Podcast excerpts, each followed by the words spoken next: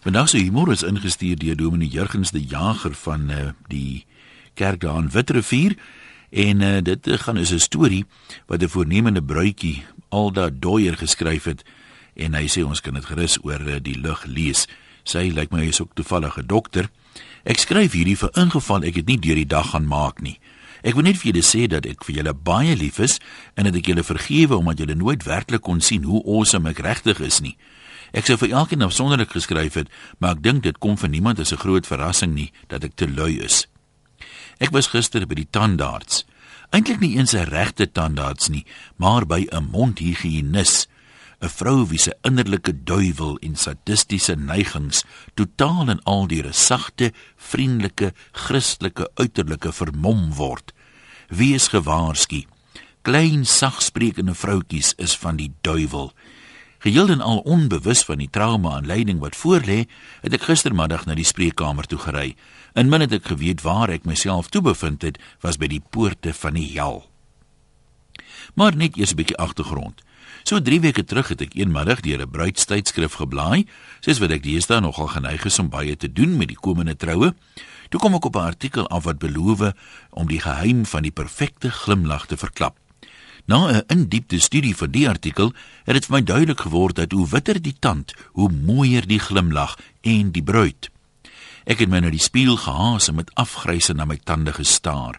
Dit het duidelik geword dat die sukses van die hele troue daarvan afhang dat ons onmiddellik duisende rande aan ons tande moet spandeer. As gevolg van verskeie mediese redes het eh, my bruidegom homself uit die slagting wat sou volg gewrimmel. Maar in my het die spinnekop wyfie haar volgende prooi gesien en gepounce. Die afspraak is gemaak en met sadistiese genot, dit besef ek natuurlik nou, het sy my aangeraai om dalk maar twee ponadetjies of iets voor die tyd te drink. By die martelingskamer aangekom, die ses pynstillers in die magie, daar is Burks daar om 'n dokter te wees, is daar 'n sagte kussentjie onder my kop gesit, net vir ingeval ek aan die slaap sou raak. Ha. Streelende musiek is aangesit en toe haal sy die instrumente uit. Ek moes geweet het toe sy 'n suiwer in my mond sit waarop ek moet byt, dat hier moeilikheid kom. Maar nie eens hierdie trekker wat sy ingeforseer het om my mond oop te hou het my voorberei vir wat sy volgende gedoen het nie. Nadat sy 'n laagie skuim op my tandvleis gesit het om dit kastig te beskerm, het die ware marteling begin met 'n spuit so groot soos 'n bees se stert het sy suiwer battery suur op my tande gespuit. Die eerste wat ek besef het dat iets hier nie reg is nie, was toe die suur deur die skuimlaagie vreet. Soos let's be honest, ek deur 'n pak chips op een van my PMS dae. Die volgende oomblik slaan my tandvleis aan die brand. Dit was nie die tingle en die twitch waarvan sy gepraat het nie. Dit was die ergste pyn wat ek nog ooit beleef het. Ek het as dit ware gesien hoe my tandvleis borrel. Hou 'n bietjie uit, buite 'n bietjie vas sit ek oor en oor vir myself probeer sê, maar na 10 minute van borrelende vleisies kon ek net nie meer nie. Ek het geluitjies van hysterie in my keel gemaak en toe sê sy met 'n demoniese glimlag: "Begin net so 'n bietjie trek. Dis goed. Dit beteken dit werk." Trek. Nee, vrou mens, dit het begin om my tandvleis weg te vreet.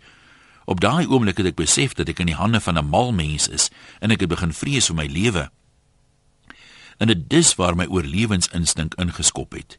En met dooier vasberadenheid het ek begin om verwoed te probeer om haar hand te byt. Ha, het ek gedink, net om die volgende oomblik te besef dat sy kanning nie die suier so gesit het om juis so 'n aksie te verhoed.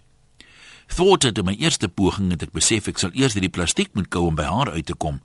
In retrospek het ek besef dat my denkprosesse dalk nie heeltemal logies was nie, maar 'n pyndeurdrenkte brein kan nie altyd logies dink nie. Ek het my liggaam snaarstyf gespan, so snaarstyf soos wat 'n halfgeoefende lyfie nou kan wees, maar daar was depressie die baie sagte stukkies tussenin. En vir 'n oomblik die plesier beleef van 'n post-gym sessie seer lyf en toe begin ek kou.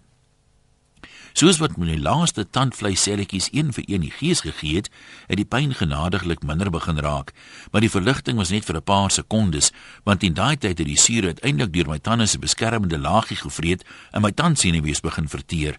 O, die pyn. Die pyn was soos wit warm dolke in my brein, en met elke tand wat so 'n bietjie trek, het ek sterre voor my oë gesien. Dis dit het ek gedink, hier sterf ek nou. Helaas nie. Na 'n uur van marteling het sy met nog 'n suier van die suur begin opsuig. Uiteindelik het ek gedink, die einde is in sig. Wat ek nie besef het nie, was dat om koue lug op ontblote tandsenuwees te spuit, is soos om met 'n hark iemand se oë te probeer uitkrap. Tydsaam het sy elke tandjie gesuig terwyl ek aan 'n 1001 maniere gedink het hoe ek haar lewe kan beëindig. En toe dit klaar is, glimlag sy en sê: "Reg vir ronde 2?" Sy moes die paniek in my oë gesien het. Op daai oomblik was ek nog geretrekt en gesuier, so kon net so 'n sagte patetiese meaugeluitjies maak, want sy het nie weer gevra nie.